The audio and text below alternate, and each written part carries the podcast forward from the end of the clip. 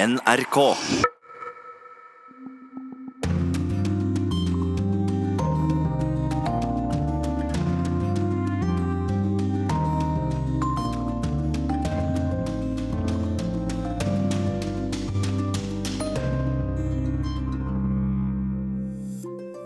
Velkommen til denne utgaven av Urix på lørdag. Vi skal selvfølgelig høre det aller siste om brexit, men eh, følger du med videre, så får du druer på tanken, kunstig intelligens, hva som skjer i den amerikanske presidentvalgkampen, for den er i gang, et brev fra Philip Lote og en spennende podkast om en av verdens farligste kriminelle.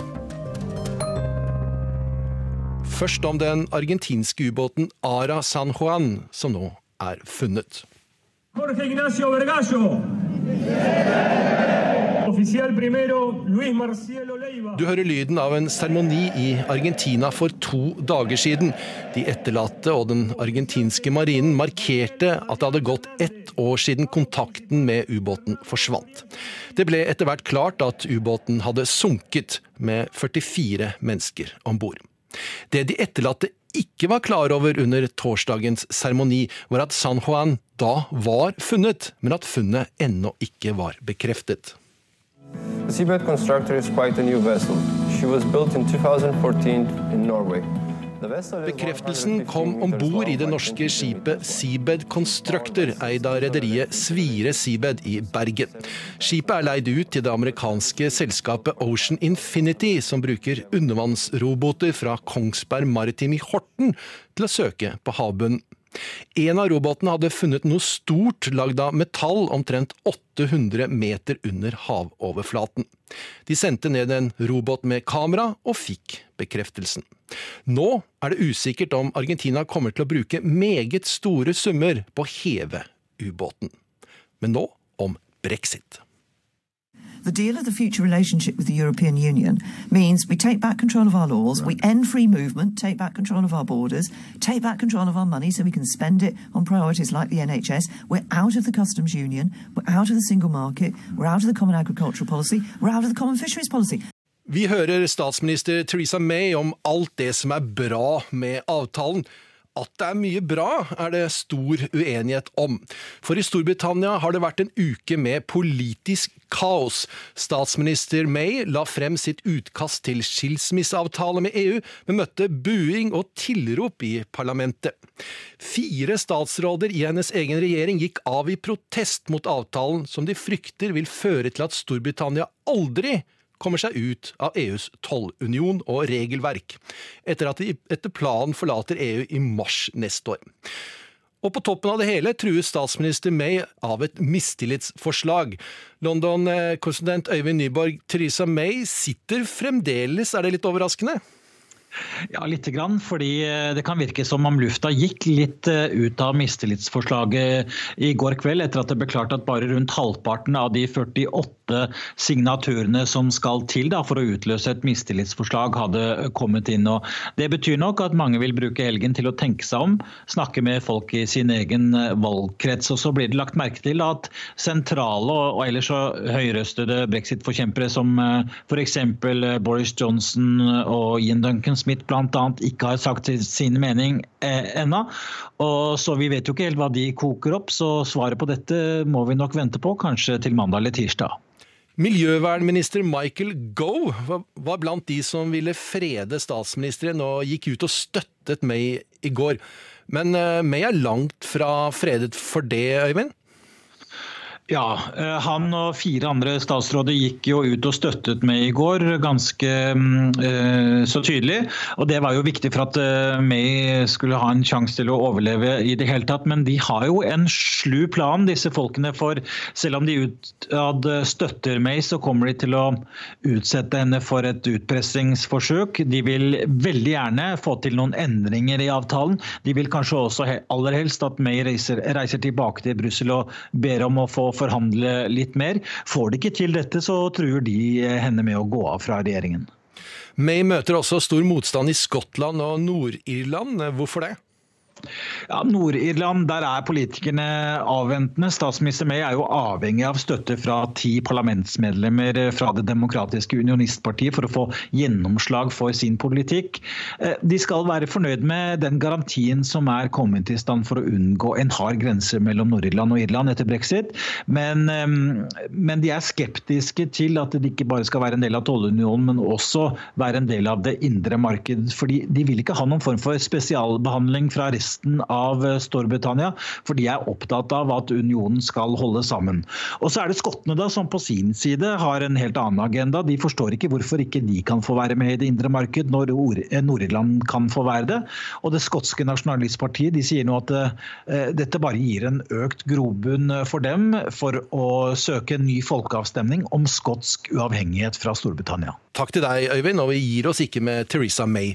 For helse er ofte det viktigste temaet for folk når de skal stemme ved valg. Men det var det ikke da britene sa nei til EU. Da handlet det om innvandring. Det har snudd helt klart. Innvandring er ikke et så viktig tema for britene. Helse har blitt det viktigste.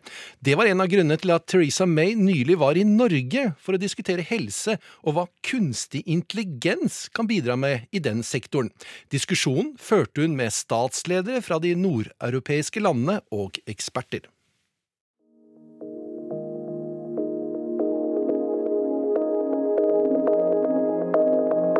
Se for deg at du er på vei til legen. Du har kjent noen symptomer og tatt noen tester. Vel fremme får du den nedslående beskjeden. Du har kreft.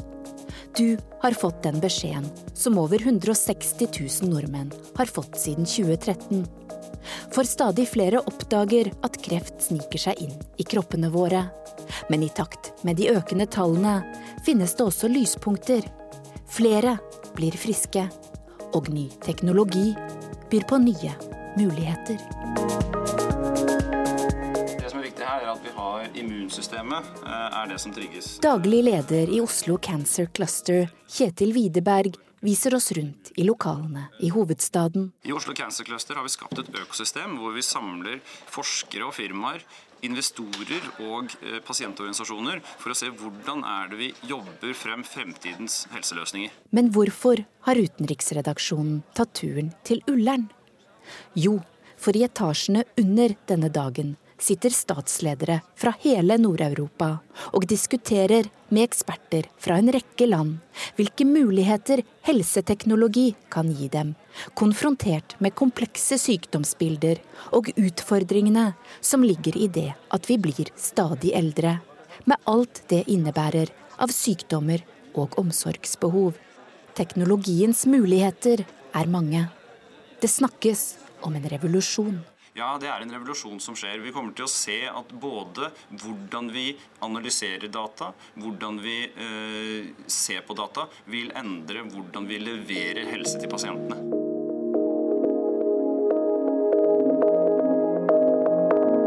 Se for deg at du kommer hjem fra legen, ivrig etter mer informasjon. Du laster ned den ene helseappen etter den andre, plotter inn informasjon, på jakt etter svar. Men så slår det deg. Facebook-skandalen. Personopplysninger på avveie. Hvem får vite om det jeg har delt? Kan min informasjon bli misbrukt? Eller vil den være med på å gi forskere nødvendige data for å finne nye løsninger? Fra både forskere, politikere, næringsliv og pasienter kreves det nå en stødig balansegang på vei inn i en ny tid. Det faktum at vi i Norden har en høy levestandard, hvor nesten alle går rundt med en smarttelefon i lommen, og samtidig har tilgang til et godt offentlig helsevesen, kan gjøre det mulig å finne nettopp en trygg vei inn i fremtiden. Excellencies. De nordiske statslederne tar plass på podiet under banneren Nordisk fremtidsforum. Formiddagens arbeidsgrupper er ferdige. Statslederne er begeistret. Det er også de mange forskerne som har fått lede de ulike arbeidsgruppene. Professor Christian Kidholm jobber ved Senteret for innovativ medisinsk teknologi ved det syddanske universitet. Hvordan var det å få diskutere disse spørsmålene med statsledere fra så mange land? Ja, det, det, var jo fantastisk interessant. Jeg underviser jo studerende på, på Syddansk universitet. Og, og, og, og, det er jo noen andre diskusjoner jeg har med de studerende. Så her de sad jo og tenkte mye sånn politisk og tenkte mye i men hva er det borgerne gjerne vil? Og hvor er det der kan være usikkerhet og utrygghet for borgerne? Og også hvor er der muligheter for at, at vores land og vores erhvervsliv kan komme til å stå godt i internasjonal sammenheng. Hvilke spørsmål stilte de deg? Øh, jamen, de vil jo gerne høre om, øh, hvor langt var vi kommet i, i Danmark med at bruge øh, telemedicinske løsninger og digitale løsninger. Og vi er kommet langt i Nord-Europa. Vi er bestemt førende. Vi er også førende på den måde, at vi har jo et digitaliseret samfund. Vi har også et enkelt sundhedsvæsen. Vi har stort set én type hospitaler, én type sundhedsforsikringer. I USA har de jo ti forskjellige slags hospitaler. I Norden ligger alt til rette for å finne det statslederne var opptatt av, sier Christian Kidholm. Vårt gjennomdigitaliserte samfunn og oversiktlige helsevesen gjør det mulig å finne gode og trygge løsninger for borgerne, tror han. For Kjetil Widerberg i Oslo Cancer Cluster handler det nå om å trykke på gassen hvordan kan vi akselerere utviklingen av ny behandling, og hvordan kan vi gjøre ny behandling mer presis. Da blir nettopp det digitale skiftet vi ser nå, veldig viktig på hvordan ny helseteknologi kommer til å utforme helsetjenesten og samfunnet.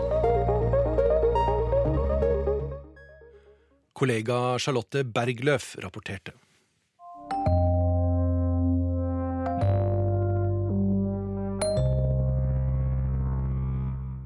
I Frankrike er det demonstrasjoner og veisperringer over hele landet i dag.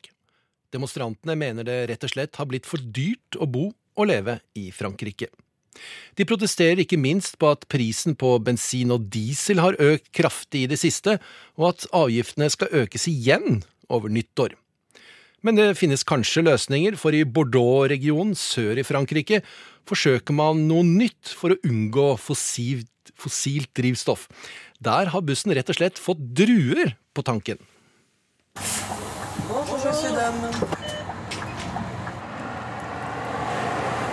Den etterlater ingen lukt av eksos, men heller ingen eksklusiv bukett når den kjører forbi. Utenpå er den dekorert med digre drueklaser og rødvinsdråper, for den kjører faktisk på druer fra den kjente vinregionen Bordeaux. Og bussjåfør Nathalie Bourlon er fornøyd med kjøretøyet sitt. C'est très très souple par rapport aux autres qu'on a. Et au niveau du bruit Il est plus silencieux. Den er mer fleksibel og bråker mindre enn de andre, sier hun til fransk TV. Bussruta går rett sør for Bordeaux, og tilgangen på restavfallet fra vinproduksjon er det nok av i denne kjente regionen. Donc on reconnaît donc la peau du raisin et les pépins. Her er det som er igjen. Druemos og steiner, sier Jérôme Boudois, direktør i Resinor France Alcohol, som produserer drivstoffet. Hvert år sitter vinbøndene her, helt sørvest i Frankrike, igjen med rundt 100 000 tonn druemos når de edle dråpene som skal bli vin, er presset ut. Drueskinn og steiner blir til bioetanol, som nå gjør at hjulene på bussen går rundt og rundt, og firmaet som lager dette, mener de etter hvert kan forsyne 1000 busser i året med det alternative drivstoffet. Etter åtte års prøving og feiling la den første bussen i vei i fast rute nå sist mandag. Den kjører fra Mont-de-Marsan til Dax i Novella-Quitaine-regionen, og CO2-utslippet er en hele 95% lavere enn fra fossilt drivstoff, ifølge produsenten. Donc on est à moins 95% d'émissions de CO2, moins 50% d'oxyde d'azote et pratiquement pas de particules. Utslippene av partikler og karbonmonoksid er også lavere, sier Boudois. Bussen kjører rundt 350 km om dagen, og én ulempe er det den trenger mer drivstoff enn de andre. Den bruker mer enn de tradisjonelle kjøretøyene, fordi etanolen den bruker gir mindre energi enn vanlig bensin. Produsenten Resinor sier de jobber med saken, og viser til at prisen er fast og lavere enn for fossilt drivstoff. En liter bioetanol koster litt over åtte norske kroner, mens bensin og diesel koster opp mot 13 kroner literen. Og i tillegg har franske myndigheter sagt at de kommer til å øke prisen på det fossile.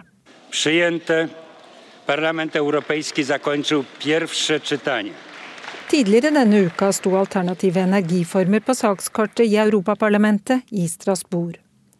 Og der kom de fram til et vedtak om at 32% av all energi i EU skal komme fra fornybare kilder. Si on veut correspondre aux accords de Paris, il faut qu'en 2050, et nous on aimerait même 2040, on ait zéro dette er nødvendig hvis vi skal oppfylle Parisavtalen, sa Michel Rivasi fra De Grønne i Frankrike. Og det endelige målet er enda mer hårete, sier den svenske europaparlamentarikeren Jakob Dalunde fra De Grønne. I would say the biggest success is that the European Union has now uh, agreed on that we need uh, to go to net zero emissions and that the Commission has to present a strategy on how to get there.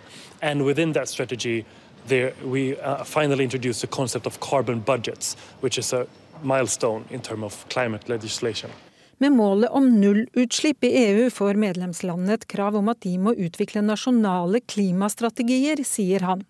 Utslippene skal også måles opp mot såkalte karbondioksidbudsjetter, og her er målet 45 reduksjon i klimagassutslipp innen 2030.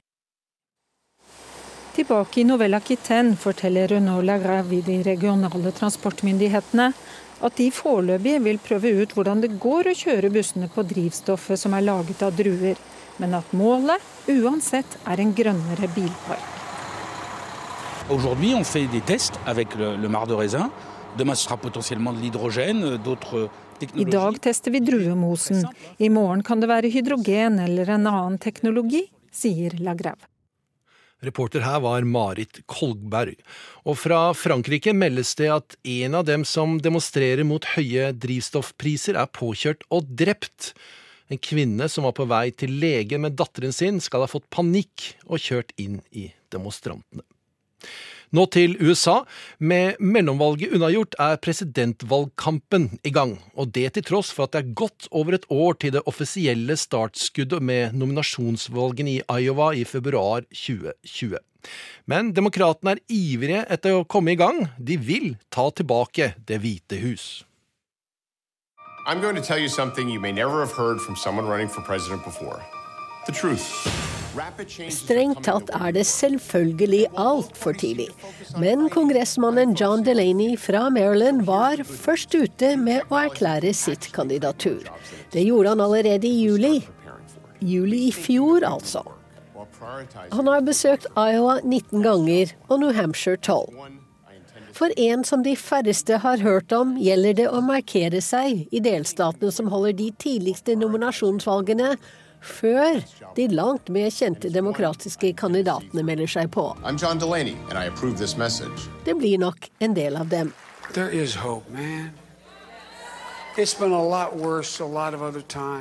Øverst på favorittlisten troner tidligere visepresident Joe Biden.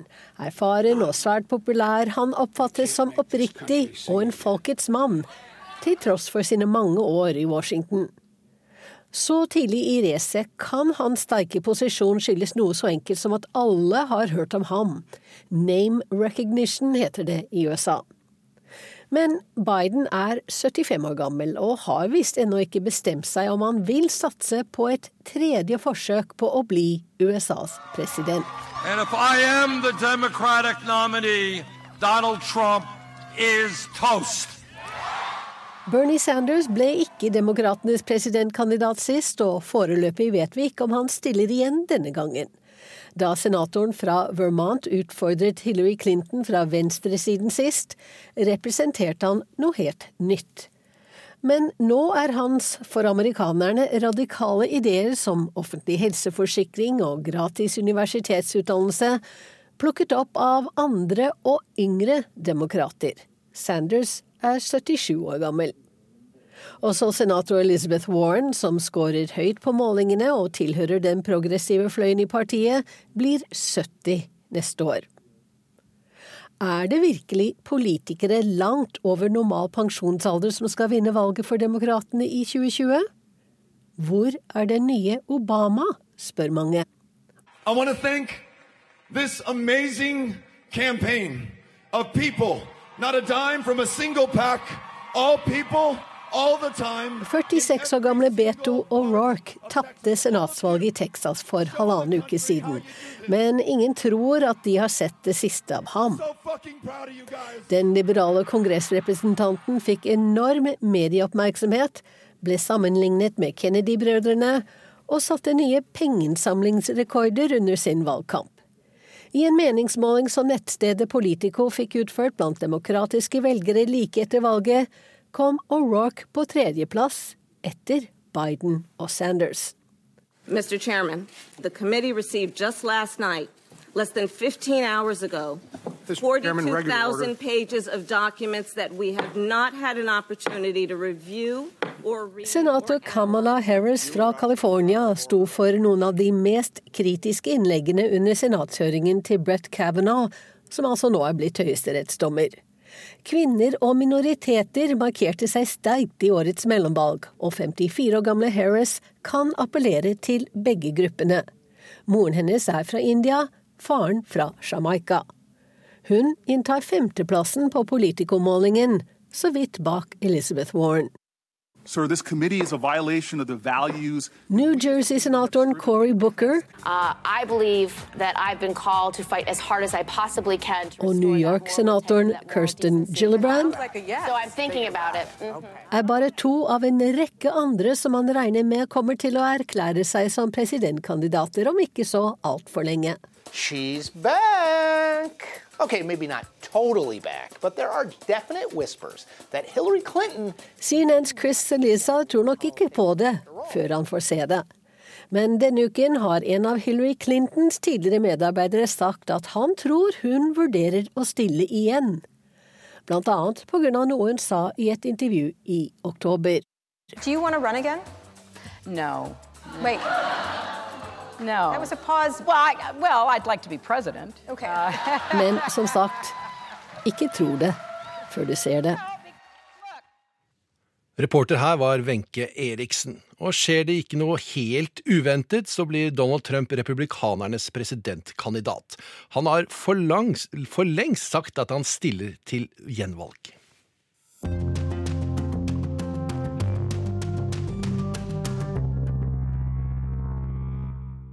Så er vi fremme ved ukens korrespondentbrev. Det er fra Philip Lote, som vanligvis oppholder seg i havnebyen Antwerpen.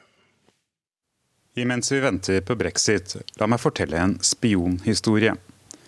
Det er fredag 9.11. På en gravlund i Tipval nord i Frankrike står Theresa May og Emmanuel Macron. Det er svak ettermiddagssol og litt kaldt. Landskapet er flatt og åpent, det er ikke vanskelig å legge det vi har sett av svart-hvitt-fotografier oppå de kilometerlange jordene, for så å danne seg et bilde av hvordan det så ut her ved krigens slutt i 1918. Et Europa gravd ned i en dyp tragedie. Vi er på vei inn i helgen hvor de falne fra første verdenskrig skal hedres. Det er to dager før den 11. november og hundreårsmarkeringen av slutten på første verdenskrig. I Brussel sitter forhandlere fra EU og Storbritannia i det som beskrives som et uavbrutt, oppriktig og muligens aller siste forsøk på å løse de siste problemene knyttet til en brexit-avtale. De to regjeringssjefene står ved en grav, en ukjent soldats grav. En av de mange som ifølge stenen kun er kjent for Gud. Det EU som nå Theresa May skal trekke Storbritannia ut av, var ment å fikse alt som var galt med Europa et europeisk prosjekt som skulle knytte de mektigste landene sammen i et politisk og økonomisk samarbeid, så kriger som første og andre verdenskrig ikke skulle gjenta seg. Et annet sted ikke så veldig langt unna er Philip de Winter, en av denne høstens vinnere. Nå er spørsmålet om hellet er i ferd med å forsvinne. Hva er egentlig Philip de Winters forhold til den kinesiske fiolinmakeren Xiao Changchun? Dette er spionfortellingen vi skal komme tilbake til. Det er ikke sånn at det ikke skjer andre ting selv om én sak legger beslag på det øverste punktet på agendaen i et system som EU. Det er ikke sånn at energien som går med på å holde pusten mens man venter på utfallet av brexit, tar energien ut av andre uløste politiske kriser og diskusjoner. De fortsetter til tross for mindre oppmerksomhet eller ingen oppmerksomhet. Brexit-forhandlingene, det er brudd eller gjennombrudd. Internasjonal og britisk presse holder pusten og tråkker vann i påvente av et utfall. I sin essens en dum øvelse, all den tid man tråkker vann for å holde hodet et sted hvor man ikke trenger å holde pusten. Og så et gjennombrudd. Vi kan puste ut og synke ned i det politiske dramaet knyttet til en over 500 lang sider mursten av en avtale.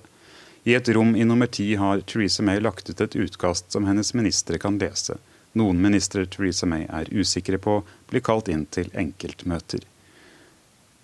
Samme dag sliter den havarerte fregatten Helge Ingstad sine sikringsvaiere utenfor Øygarden og synker. Det norske forliset får knapt noen notiser i europeisk presse. Samme dag kunngjør Angela Merkel at hun stiller seg bak Emmanuel Macrons forslag om å opprette en egen europeisk hær. Det er den viktigste støtten Merkel har gitt til noen av Macrons store ambisjoner på vegne av Europa.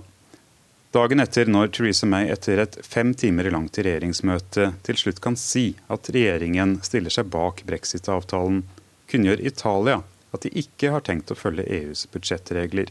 Italias provokasjon av andre euroland og et eget militærvesen for EU blir rapportert. Men spør noen i en hvilken som helst gate som ikke ligger nær et europeisk regjeringskvartal, og jeg er ikke sikker på hvor mange som har fått det med seg.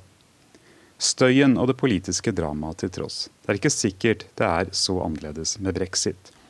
Da VGTV kjørte en kunnskapstest på Paradise-deltakere, svarte én brexit, det er en kjeks. En sånn med sjokolade på.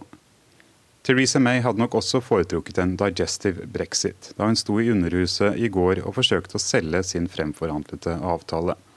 Det er lite som minner om sjokolade. Hun mister fem ministre, i hennes eget parti blir det fremmet mistillit mot henne som leder, og samtlige opposisjonspartier pluss det allierte nordirske protestantiske partiet varsler de vil stemme ned avtalen. I Brussel sier EU-president Donald Tusk at dette er den beste avtalen EU kan gi Storbritannia. I Belgia sitter Philip de Winter og tenker ut hva som skal bli hans forsvar. Ganske sikkert lettet over at dette er dager hvor resten av verden ikke har tid til belgisk politikk og også ganske lettet over at avsløringene ikke dukket opp noen dager før det belgiske lokalvalget 14.10. Philip de Winter er frontfigur i ytre høyrepartiet Flams Belang. Oversatt betyr det noe som Flandern viktigst, eller Flanderns interesser først. I lokalvalget var partiet og de Winter en av vinnerne med over 10% oppslutning.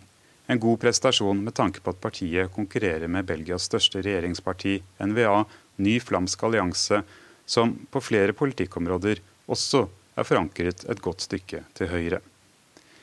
Philip de Winters problem er at han har dukket opp i listene til belgisk etterretningstjeneste. Han har blitt bedt om å forklare hvorfor han har takket ja til reiser til Kina og Kasakhstan betalt av en kinesisk fiolinmaker, og hvorfor han har jobbet som konsulent for en kinesisk kulturorganisasjon, Den europeiske kinesiske kultur- og utdanningsstiftelse. Bl.a. skal de vinter ha arrangert møter i det flamske parlamentet for Kulturstiftelsen, og sørget for et møte med sjefen for Belgias føderale politi. Spørsmålet er om de vinter i flere år har jobbet for en kinesisk borger som ble utvist for å ha infiltrert belgiske organisasjoner. Altså for en fremmed borger som blandet seg inn i belgisk samfunnsliv på en måte som kan undergrave den belgiske stat. Eller for å si det som belgiske tabloidaviser, er Philip de Winter en spion for kineserne.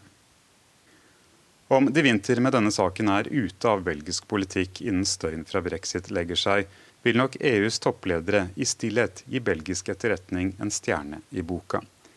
De Winters situasjon er ikke obskur eller uten betydning.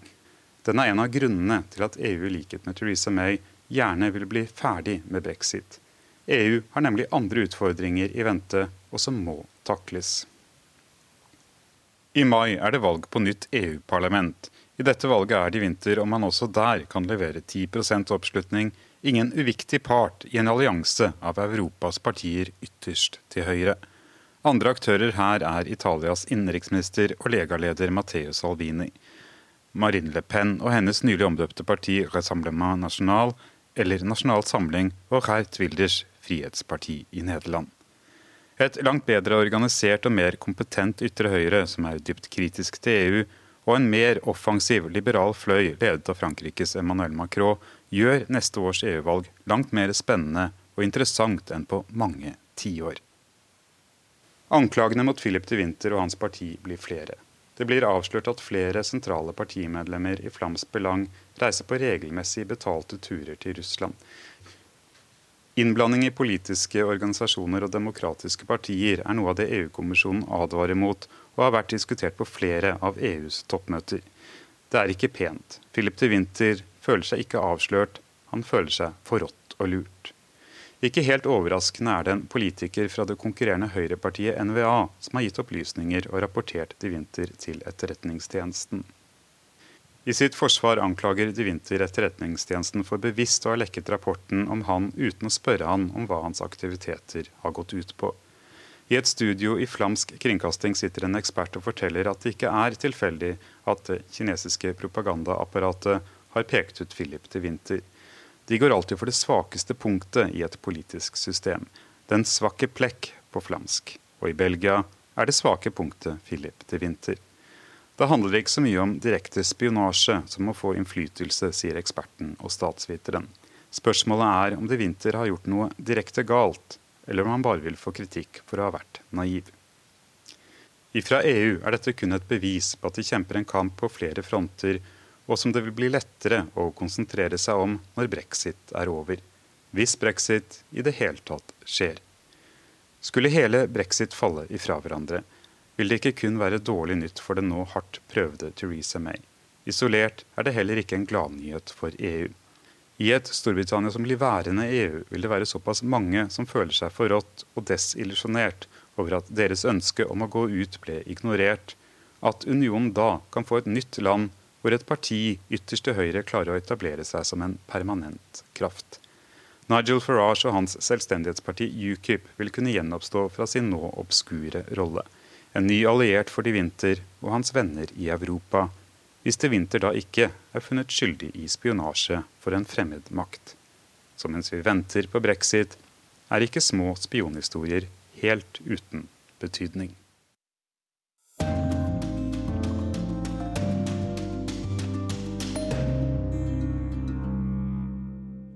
Og nå er vi fremme ved ukens podkast. Den er av Tore Moland. NRK. Se for deg Brooklyn Bridge i New York. Helt uten biler og uten et eneste menneske som går over. Det skjer nå fordi de skal frakte over en liten meksikaner. I en pansra politibil sitter han inni en sikra metallbeholder. Joaquim El Chapo Guzman. Shorty. Stuttjukken ville vi kanskje sagt der jeg kommer fra. Men Tore, amerikanske myndigheter mente faktisk at denne meksikaneren eh, var farligere enn lederen for Al Qaida. Bueno,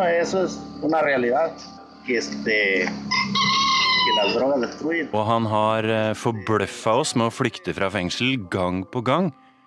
Men nå er han overlevert til amerikanerne og skal stilles for retten verdens kanskje farligste narkotikabaron. El narcotráfico no depende de una persona, sino que depende de, de muchísimas personas. Du hører på Krig og fred med Tore Moland.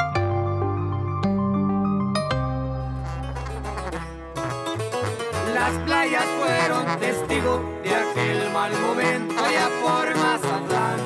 Narkokorridos det er jo litt sånn eh, heltekvad, nærmest. Som er en typisk sånn litt sånn bondsk nordmeksikansk musikk, hvor de synger om om eh, narkomafiabossene og hvordan de opererer. Det er jo gjerne liksom livshistorien deres, hvor, hvor uh, tøffe de er, hvor uh, man skal ikke uh, komme på kant med dem, og hvordan de skaper kontroll over områdene. Det er veldig mye det som går igjen i tekstene. Jeg heter Bendikte Bull. Jeg er professor i statsvitenskap ved Senter for utvikling og miljø, Universitetet i Oslo. Og jeg leder Norsk nettverk for latinamerikaforskning og har fokusert ganske mye på Mexico. Hvem er El Chapo?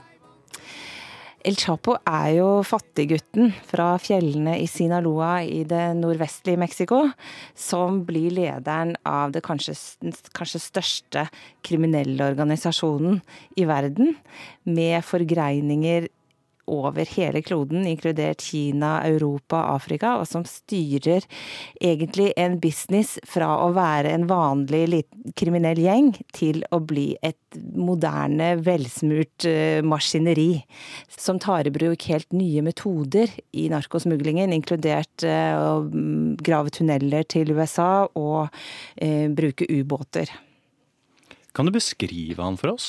Utseendemessig er jo derfor han har fått det navnet han har. Ja, det betyr jo shorty. Han er en kort, kompakt kar som egentlig ikke ser noe spesielt skummel ut. Litt sånn rundt ansikt og heller ikke noen kjekkas, selv om han har jo et rykte på seg for å være en kvinnebedårer og har hatt et rad av vakre kvinner som både koner og elskerinner gjennom årene. Nå har jo det også selvfølgelig sammenheng med at han ble jo ganske rik etter hvert. Han var jo på Forbes liste over verdens rikeste i flere år, uten at noen helt vet hvordan de klarte å belegge de tallene de kom med. Han er jo også blitt et ikon, og historien hans hans er fortalt i et uendelighet av bøker og TV-serier og filmer. Så én ting er hvem denne mannen er, og en annen er jo den rollen han har fått i en sånn, en sånn historie, som til dels er sann, men til dels nok eh, er også skapt i underholdningsbransjen. Ja, hvorfor har han fått denne her populærkulturelle gjennomslagskraften? Det handler nok litt om at han er på en måte en litt sånn gammeldags mafiaboss som spiller flere roller. Han er ikke bare, eh, bare slem. Han er også en som eh, skaffer seg støtte i sine nærområder ved å finansiere eh, kreftoperasjoner og mm, broer og forskjellige ting som folk trenger, og blir på en måte en Robin Hood i nærområdene. Og så er han jo også da en fattig gutt i utgangspunktet.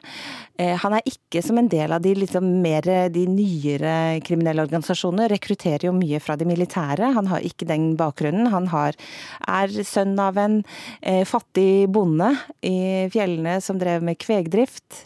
Han eh, var utsatt for grov vold som barn, og stakk av fra faren sin som tenåring og dro til for å jobbe for onkelen sin, og da videre derfra og inn i ulike ulovlige aktiviteter.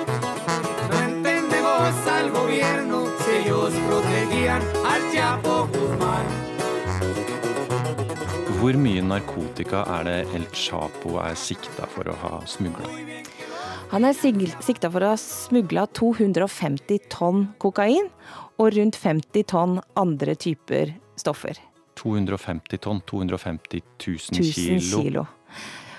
Om det er alt, det vet jeg ikke, men det er enorme eh, Det er enorme kvanta, og man regner med han sitter med en formue på 14 milliarder dollar. Igjen så er dette usikre tall. Er han knytta direkte til drap? Ja, han er tiltatt for 33 drap.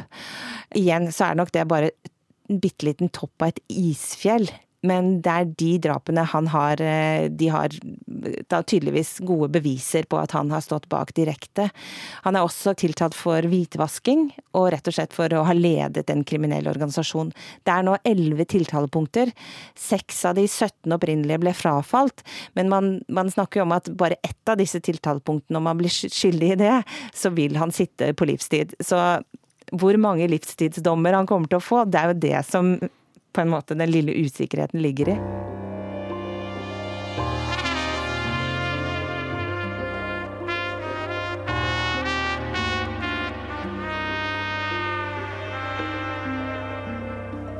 I Mexico så blir det drept i gjennomsnitt 80 mennesker hver eneste dag.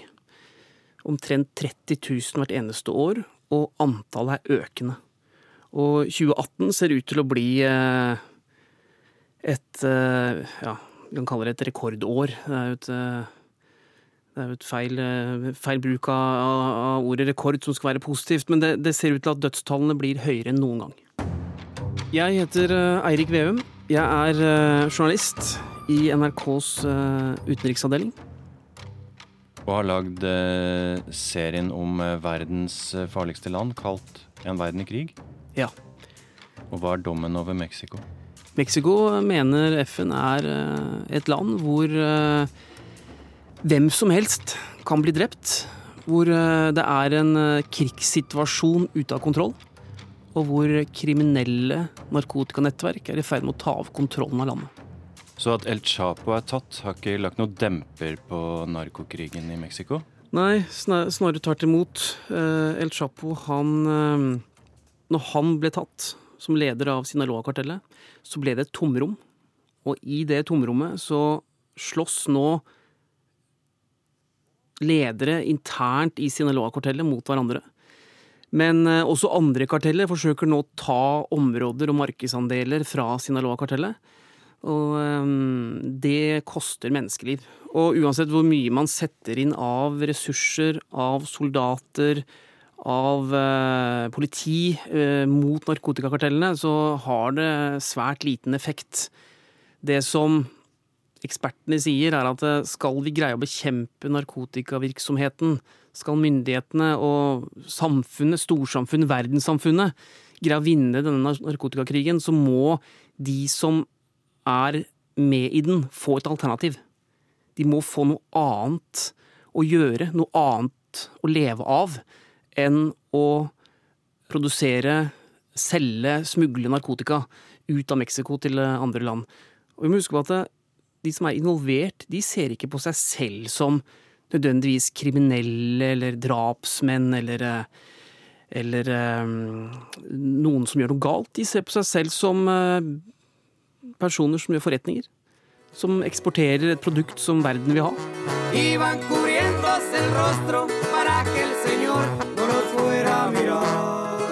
Og man må tenke at hvis vi tok 100 norske menn og sa at nå kan du velge. Enten så lever du et liv i fattigdom i slummen for noen hundrelapper i måneden. Eller så blir du med og passer på noen lastebiler, transporterer noen sekker med narkotika over en grense, og du kan tjene deg millioner hvert eneste år som du kan bruke på deg og din familie, så dere kan leve et godt og trygt liv. Jeg er ikke sikker på om øh, selv vi i vårt land da hadde valgt øh, det vi da mener er etisk riktig nå. Du var jo med ut med styrkene som eh, skal forsøke å stoppe denne trafikken. Hvordan opplevde du det?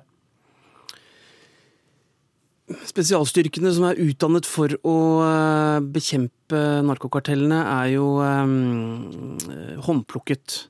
De går for å være ubestikkelige, for å være de dyktigste, de best trente. Går under navnet Marinas. Er en infanteristyrke med forholdsvis ekstreme ferdigheter. Det som de har fått kritikk for, er at de har kopiert noen av narkotikakartellenes metoder. Ved at de er fullstendig kompromissløse i måten de forsøker å nedkjempe kartellene, og at volden og ja, kall det krigen, den bare eskalerer. Og det var disse Marinas som du da var ute med, som også arresterte El Chapo i sin tid. Eh, hva slags standing har de blant det meksikanske folk? Nei, De blir nok sett på som en uh, militær elite. De uh, har litt høyere lønn enn andre soldater. De har mye bedre treningsforhold. samtidig så er de jo truet på et vis. Alle vet jo at hvis det blir kjent hvem de er, så er jo de potensielle mål for kartellene. Og var vel en av eh, soldatene jeg var ute med, som sa at eh, tar du en politistyrke på 1000 personer, så er 990 av dem gjennomkorrupte. Det er derfor de får lov til å holde på. Så de spesialstyrkene jeg var ute sammen med, de nektet jo å jobbe med lokale politistyrker, eh, f.eks. For fordi de visste jo at hvis lokalt politi fikk vite hva de skulle gjøre, så fikk narkotikakartellene vite det. Så det sier noe om Mexico og om et samfunn som er eh, gjennomkontrollert av narkotikakartellene.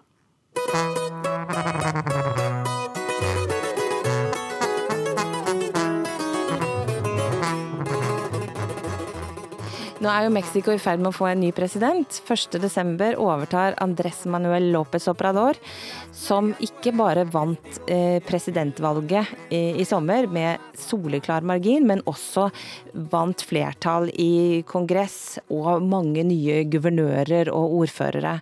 Han har lovet nå en ny sikkerhetsstrategi. Han skal ryske opp i disse tette båndene mellom ordførere og kriminelle organisasjoner, delstatsguvernører guvernører og ulike deler av sikkerhetsapparatet. Han har skapt ganske mye håp, men det er nok også tvil om hvordan han skal klare å få gjort dette. Fordi at det er så eh, komplekse forhold. Det er, det er, et stort land, det er komplekse deler av sikkerhetsapparatet. Eh, politi, militære og, og mange tette bånd mellom ulike organisasjoner og ulike deler av myndighetsapparatet. Og når du sier tette bånd, så mener du korrupsjon, egentlig? Ja. Eh, det dreier seg om ulike former for korrupsjon. Og samhandel mellom narkokartellene og politikerne. Ja. Og, og det, det skjer være... på alle nivåer? Det skjer på alle nivåer, men først og fremst lokale og delstatlige. Og det kan være alt fra at eh, en, en, ærlig kandidat tar makten og blir presset. Altså enten tar du pengene våre og samarbeider med oss, eller så får du en kule i hodet. Den tradisjonelle plata og plomo som vi hørte, har hørt i Netflix i mange versjoner. Forklar. Ja, altså Plata betyr penger, plomo betyr bly. Så enten tar du pengene og du samarbeider med oss, og da er du vår mann. Eller så får du en kule i hodet, eller vi tar familien din, eller mange andre trusler. Men i mange tilfeller så har det jo også vært kandidater fra de kriminelle organisasjonene som har stilt til valg, og da særlig på lokalt nivå. Og kommer i posisjon og beskytter sine eh, i den posisjonen, og sørger for at en gruppering får kontroll med et område. Mens, og blir ganske populære blant velgerne? kan fort bli populær blant velgerne, kan til og med få ned eh, volden, i, i, hvert fall på kort sikt. Fordi én gruppe har kontroll. Så lenge du samarbeider med dem, så er det ikke noe problem.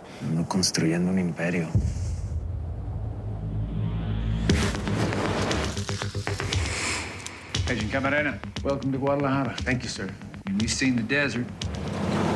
Time to meet the snakes. Who's that guy? Miguel Felix Gallardo. The Rockefeller of marijuana.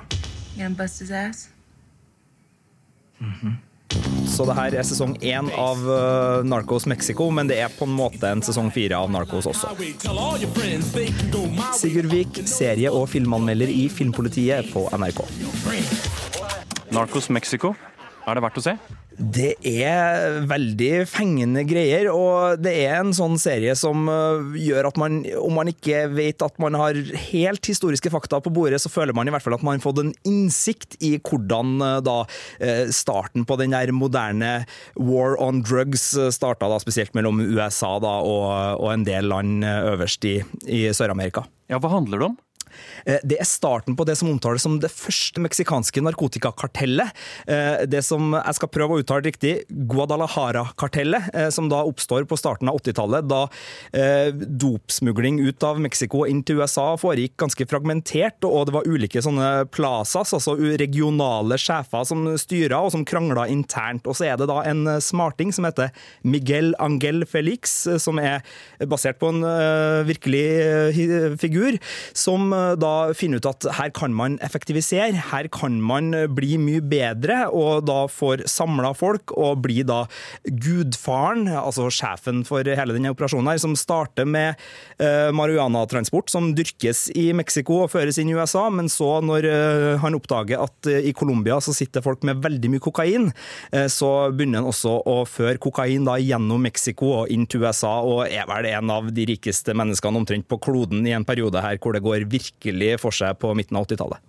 Og dette er altså da basert på den historiske figuren Miguel Angel Felix Gallardo, som ble kalt gudfaren i Mexico på 1980-tallet. Ja.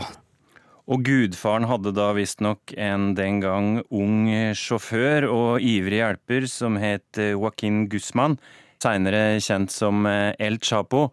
Og stilt for retten i New York denne uka. Dukker han opp i serien?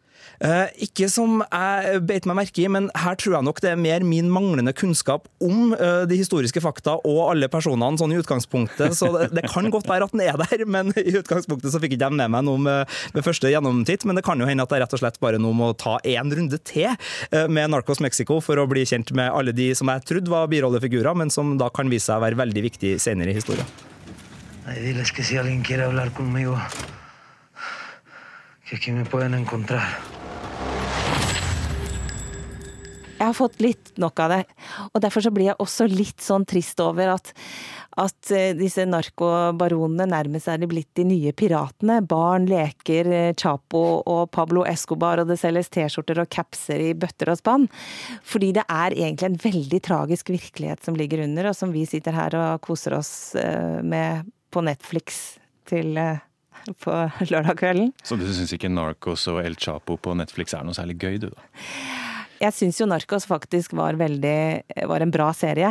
Jeg syns på en måte det er greit at noe av det vises, og noen klarer å gjøre det på en måte som gir bildet litt mer nyanser enn at dette er noen skurker som dukker opp et eller annet sted og, og lager mye bråk. Men jeg tenker at nå har vi kanskje fått litt nok av det. Eirik Veum, hva sitter sterkest igjen hos deg etter eh, reisen i narkokrigens Mexico? Vi hadde jo ehm, et team inne i ehm, Sinaloa-distriktet.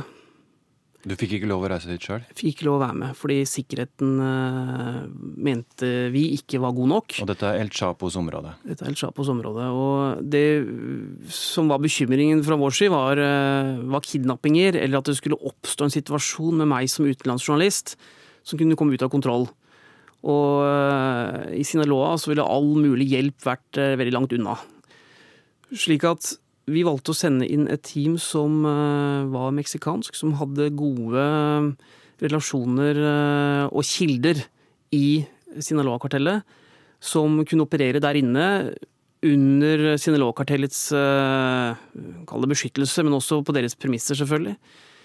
De fikk lov til å intervjue en, en av narkotikakrigerne som innrømmet at han hadde henrettet personer, drept i skuddvekslingen med politiet. Eh, han fortalte mye om hvordan livet som narkokriger var. Hvordan de internt i kartellet har turnusordninger, skriver reiseregninger, har diett. Eh, hvordan de sitter på kontoret og patruljerer byen som om de skulle vært eh, vanlige polititjenestemenn. Hvordan de stopper biler, kontrollerer dem hvordan de henretter eh, personer fra konkurrerende karteller som kommer inn i området deres. Han fortalte også om hvordan han som småbarnsfar tok seg av barna sine hjemme, hvordan han var bekymret for at han kanskje ikke skulle komme hjem igjen hvis det skulle skje noe. Det som gjorde mest inntrykk eh, på meg, var jo det som skjedde etter intervjuet. Hvor teamet vårt uh, skulle forlate denne bygningen hvor, hvor de hadde snakket med, med uh, denne krigeren. José het han. 30 år gammel. Når de kommer ut derfra, så hører de et skudd. Og um, i et gatekryss da så ligger det en person som hadde sittet på en motorsykkel.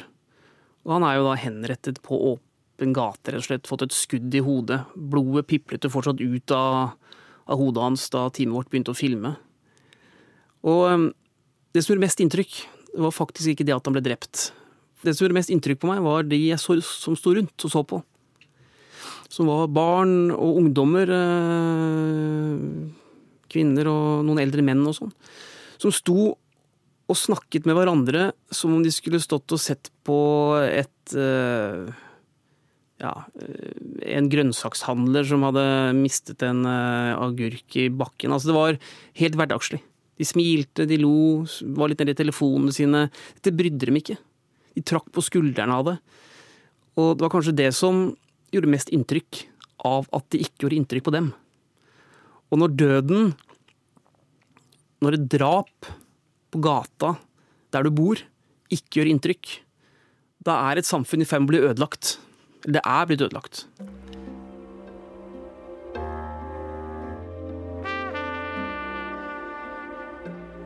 Benedicte Bull, Hvor mange er det som er drept i narkotikakrigen i Mexico, da? Det er igjen veldig usikkert, fordi at meksikanske myndigheter registrerte drap i forbindelse med organisert kriminalitet bare frem til 2012. Men siden det er sånn, noe sånn som 97% straffefrihet for drap i Mexico, så betyr jo det at det er eh, bare 3% av drapene som foregår som man egentlig vet eh, hvorfor, eller bakgrunnen. Hva betyr 97% straffefrihet? Det betyr rett og slett at eh, bare 3% av alle drap i Mexico blir oppklart, og noen blir straffet for det. Drap er så dagligdags i Mexico at ingen bryr seg heller? Altså, folk bryr seg. Ehm, jeg tror folk bryr seg virkelig. Folk er virkelig dypt eh, indignert og fortvila og eh, opprørt over eh, hvordan landet deres har utviklet seg, sånn generelt. Men akkurat om det dør en eller annen som sannsynligvis var en del av narkobandet likevel, det kan de være mindre opptatt av. Men jeg opplever at det er en sånn dyp fortvilelse over at landet har kommet dit. For Mexico er jo så mye annet. Det er så mye fantastisk kultur og eh, kulinariske tradisjoner, og det er, det er jo så mye flott som på en måte drukner litt i all denne blodsutgytelsen.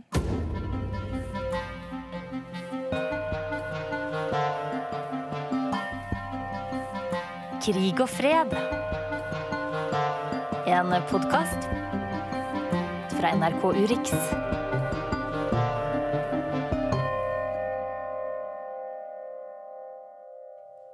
Urix på lørdag er over for denne gang. Men vi kommer igjen neste uke, og takk for at du fulgte oss denne gangen.